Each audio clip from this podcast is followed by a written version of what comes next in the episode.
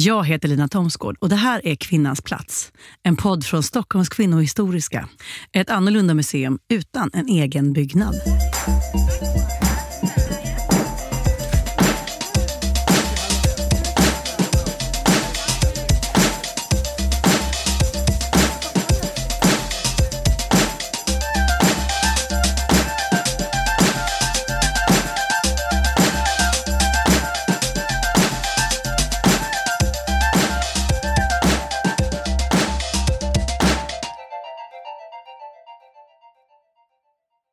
Hon är en välkänd karaktär i nationalskalden Carl Michael Bellmans dikter, där hon både upphöjs och hånas. Hon har blivit själva sinnebilden för den där vi brukar kalla den glada horan under 1700-talet och flera sekler framåt. Men bakom Bellmans fiktiva person Ulla Vinblad fanns en verklig kvinna. Maja-Stina Källström. En kvinna som festade på krogar och baler i ett 1700-tals Stockholm men som också kämpade med att distansera sig från Bellmans påhittade karaktär utan framgång. Linda Jensen Kidan har träffat etnologen Rebecka Lennartsson som skrivit en bok om Maja-Stina Källströms liv. Det var 1768, på våren i april, en aprilnatt. Utanför slottet i Stockholm är det mörkt och tyst. Men i några av slottets fönster lyser det. Där inne fladdrar levande ljus. I lokalen hörs fiolstråkar och höga skratt.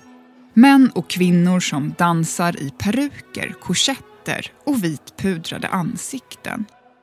I en lång korridor till lokalen ligger det 13 små rum rum som man kunde dra sig tillbaka till parvis eller i andra konstellationer. Så.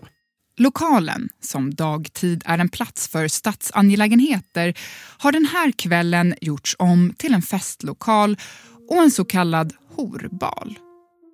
Den här balen var ju väldigt hemlig och den arrangerades i det kungliga krigskollegiets lokaler, vilket var väldigt speciellt. Högt uppsatta militärer, sekreterare och civila män hade via en kopplerska tagit dit Stockholms mest beryktade kvinnor. Och de festade till klockan fyra på morgonen. Men den hemliga horbalen på slottet läckte ut och det blev en skandal och rättegång med vittnesmål och massa skriverier. Männen som hade varit på festen förblev rätt så anonyma Däremot så fanns det en gästlista med namn på de kvinnor som var där. Flaggan på berget och Halta Venus och Evighetens lilla Hedda. Och... och under rubriken Mademoiseller av sämre sorten stod hennes namn. Eller hennes flera olika namn. Vinflaskan, Knollriga mamsellen, Mademoiselle Petter och Ulla Vinblad. Ja, Ulla Vinblad hon har ju förändrats över tid. Varje, tid, varje epok har liksom gjort sin egen bild av, av Ulla Vinblad, den diktade karaktären. Men hon var ju också en verklig kvinna. Det fanns en, en eh, verklig förebild. Maja-Stina Källström, som hon hette i verkligheten. Många tror att det var nationalskalden Carl Michael Bellman som skapade Ulla Vinblad. Men det var faktiskt så att hon skapade sig själv. Eller hon skapade alter egot Ulla Vinblad.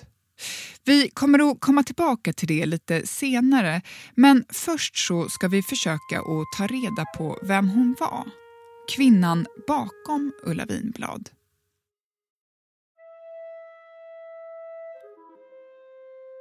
Maja-Stina Källström växer upp i ett 1700-tals Stockholm där staden består av Gamla stan. Vid Skeppsbron, ut mot det öppna vattnet, ligger de stora handelshusen. Här exporteras bland annat järn till Europa. Och in till hamnen kommer skepp lastade med socker, kaffe, siden och kryddor. En handel som tjänar pengar på den transatlantiska slavhandeln. Inne i gränderna i Gamla stan hörs röster, olika dialekter och kanske olika språk.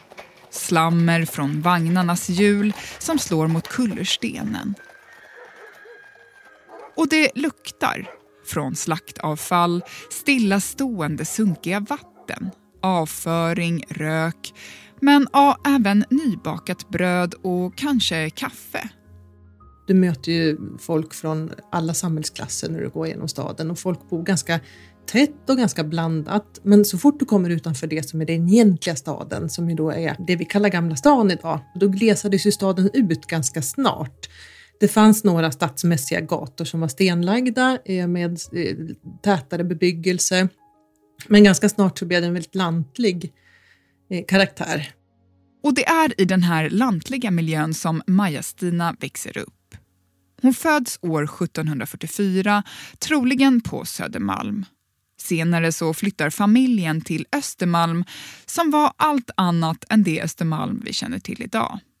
Det är grusvägar och några kvarter med flervåningshus i sten och trä, malmgårdar, odlingslotter, militära byggnader och vidsträckta fält med tobaksplantor. Maja-Stinas familj är fattig. Pappan hade fallande sot, som det hette. Det är dåtidens beteckning på epilepsi. Och han förlorade sin anställning inom militären eh, och blev hjälpkar och det tjänar man inte mycket pengar på. Hon hade två äldre syskon och eh, när hon var bara fem år gammal så förlorade hon också sin mamma i rödsot som är en fruktansvärd magåkomma. Och pappan gifte om sig med en kvinna som faktiskt hette Vinblad i efternamn. Så att då förstår man att namnet kommer därifrån. Sen finns det inte så mycket mer om Maja-Stinas barndom i arkiven. Det vi vet är att hon kan läsa och hon går i kyrkan för det finns nerskrivet att hon tar nattvarden några gånger med sina föräldrar. Men efter det så försvinner spåren tills de dyker upp igen år 1765 och har fött ett oäkta barn. Och det var inte lagligt på den här tiden. Det var överhuvudtaget inte lagligt att ha sex utan att vara gift. Maja-Stina blir därför anmäld av barnmorskan som hjälpt henne under förlossningen. Efter åtta dagar så dör barnet och Maja-Stina blir kallad till rätten. Men hon lyckas så hålla sig undan lagens långa arm tills den får tag på henne igen. Ett och ett halvt år senare. Men den här gången så är det på grund av något helt annat. En aprildag så blir hon gripen i Gamla stans gränder för då har hon seglat runt där iklädd en kappa av siden. En pelisse hette det. Som är det senaste modet i Paris. Det är som en cap, hål för armarna, kantad med päls och så en stor huva. Och den är dessutom röd, vilket ju är väldigt ögonfallande. Och den är gjord i siden. Och siden var ett förbjudet material för enkla kvinnor och pigor och lösa kvinnor som man sa då. Och eh, vid den här tiden så identifierades sannolikt Maja-Stina som både lös och enkel. Maja-Stina blir kallad till rätten anklagad för brott mot överflödsförordningen som bland annat innebär att simpla arbeterskor inte får bära siden. Efter många turer så kan Maja-Stina till sist bevisa att hon spinner silke och just spinnerskor är en grupp kvinnor som undantas från förbudet det var ju verkligen hårdvaluta kläder, så det var ju någonting som användes också i sexhandeln vid den här tiden, att man bytte till sig, man kunde betala med, med hjälp av klädesplagg och så. Kopplerskor och kopplare lånade också ut såna här plagg till kvinnor som, som sålde sex.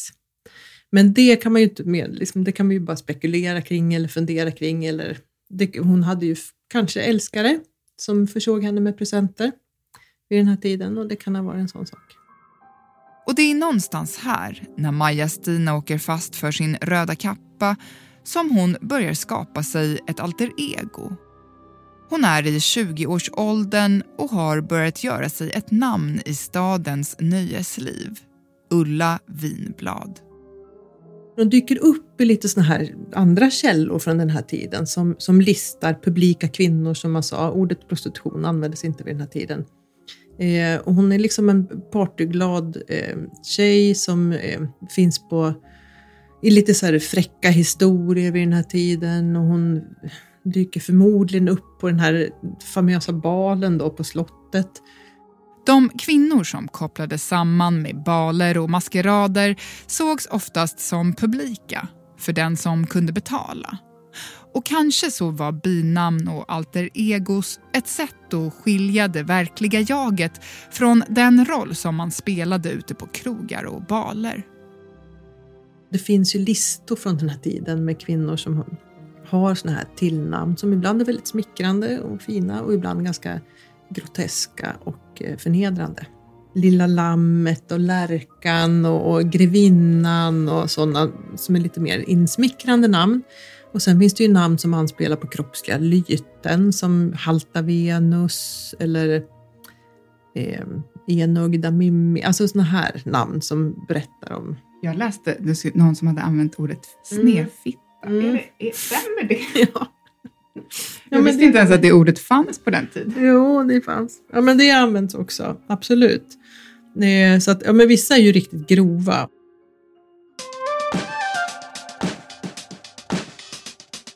Det här är Kvinnans plats, en poddserie ifrån Stockholms kvinnohistoriska inspelad tillsammans med Soundtelling där vi försöker knyta berättelser till olika platser runt om i stan och över hela Sverige.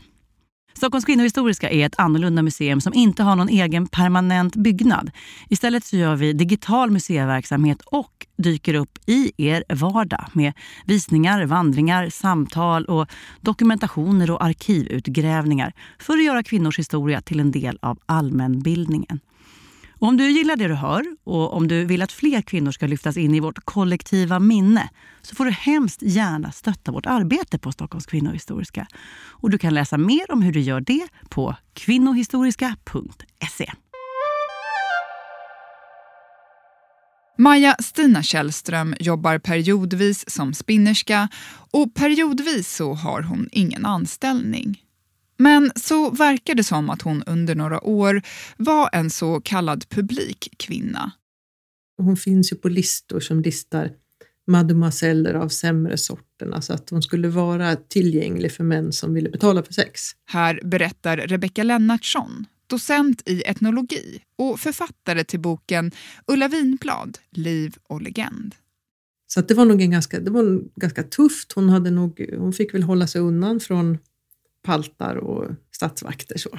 Men samtidigt så tycks det ju som att väldigt, ganska många kvinnor som hade rätt kontakter också var, eh, klarade sig väldigt bra undan. Hon, Maja-Stina hörde till dem som aldrig blev dömd. Bland alla dessa alter egos eller publika kvinnor i Stockholms nöjesliv så måste det vara något speciellt med just Ulla Vinblad när hon är beskriven så rimmar hon väldigt väl med dåtidens skönhetsideal. Så hon beskrivs ju som en kvinna av ja, men medellängd och medelfyllig, tror jag att hon beskrivs som. Eh, vit hy och mörkt hår, vilket var liksom optimalt. Eh, hon beskrivs också som att hon har små händer och små fötter vill jag minnas. Liten mun var mycket vackert. Liten mun och vita små tänder stort lockigt hår förmodligen då och klädde sig ofta i schäferhatt sades det. Bellman skriver ju väldigt mycket om kläder. Eh, och det är ju den diktade Ulla som han sätter de här kläderna på. Men det verkar ju också som att verklighetens Ulla var modeintresserad, tänker på den här pelissen till exempel. Så att man kan väl gissa att hon mm, liksom la mycket vikt vid eh, sin uppenbarelse med sina eh, kläder.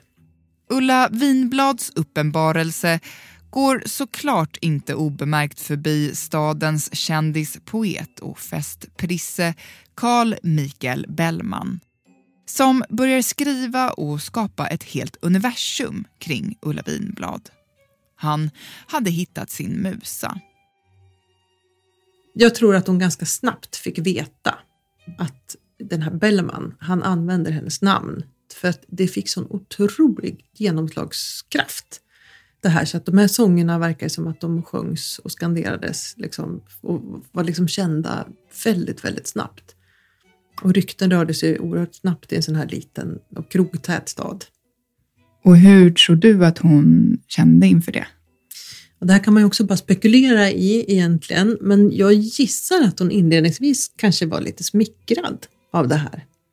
Att Bellman hade lyft hennes namn. Och hon hyllas ju i många av dikterna, alltså hon utmålas ju som en, en eh, Venusgestalt. Hon omsvävas av mytiska figurer och det har liksom ett gudomligt skimmer över sig. Men samtidigt finns det ju i nästan alla dikterna också en mycket prosaisk baksida. Ja, texterna är både hyllande och förnedrande. I ena textraden är hon hora och i andra madonna. Runt år 1770 så är Ulla Vinblad inte särskilt ung längre.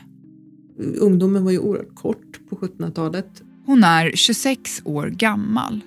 Och strålkastarljuset börjar riktas bort. Yngre kvinnor har tagit plats i Stockholms nöjesliv. Kanske är hon trött på att alltid behöva förhålla sig till alter egot Ulla Vinblad. Trött på livet i Stockholm och drömmer om att få börja om på nytt. Hon ville nog stadga sig och lugna ner sig lite grann. Så i den vevan så träffar hon också en man, Erik Nordström.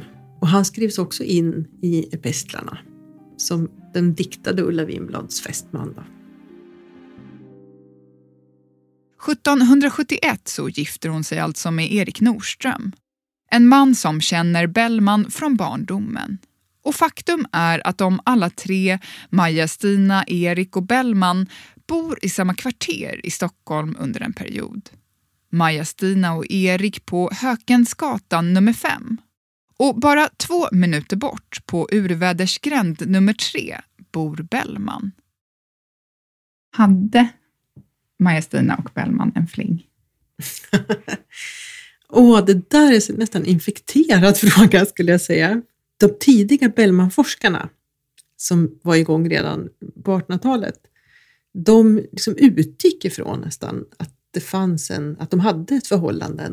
Eh, men sen så ganska snart så vände det där och så, så har man istället sett det som att Bellmans Ulla är helt och hållet en fiktiv gestalt och att de inte har någonting med varandra att göra och att det förmodligen var så att han har bara lånat namnet av Maja-Stina och ingenting annat. Men huruvida, de var, huruvida han var, liksom hade några varma känslor för henne, pff, ingen aning.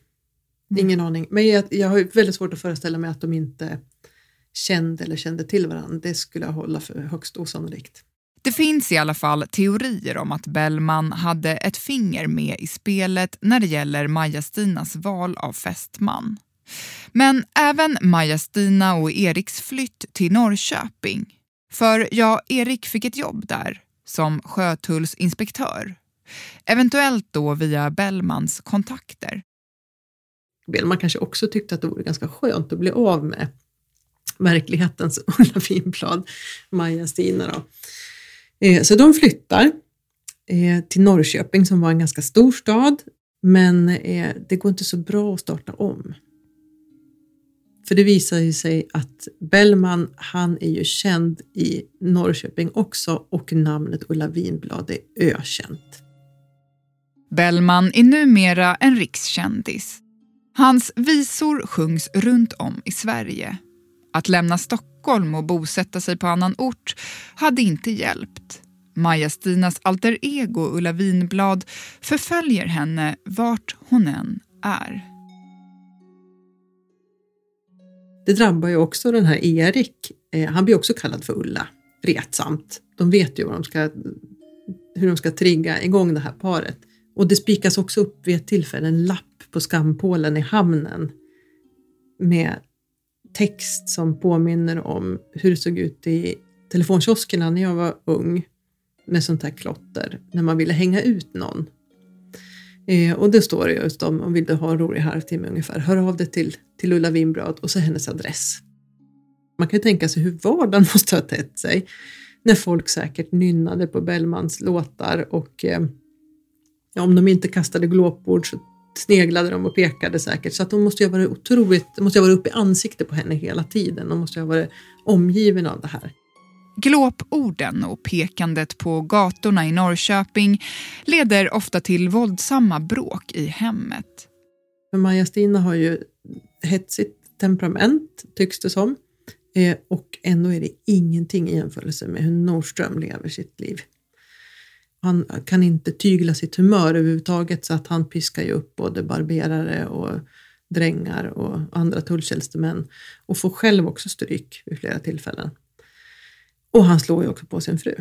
Eh, för vittnen berättar då om hur han kan komma hem mitt i nätterna och vara full och misshandla sin fru Maja-Stina både med tillhyggen och med nävarna. Eh, och hon springer ut och försöker och flyr till grannar och så. Men ett tumultartat äktenskap får också ett plötsligt avslut. Erik dör i arresten i fläckfeber. Efter drygt tio år i Norrköping så bestämmer sig Maja-Stina för att flytta tillbaka till Stockholm. Hon är nu 39 år gammal och änka. Det kan man tänka sig att de måste ha bävat lite för att landa här i, i Gamla stan igen och återse gränderna där hon har liksom rumlat och rasat i sin ungdom. Men hon kanske tänker att det här, nu har hon en chans igen att börja om på nytt då, i stan. Men Ulla Winblad är inte glömd i Stockholm heller. Bellmans epistlar och dikter är fortfarande på allas läppar i stan. Och likaså Ulla Winblad, ett namn som blivit synonymt med horeri. Under åren som Maja-Stina varit borta från Stockholm så har det gått väldigt bra för Bellman.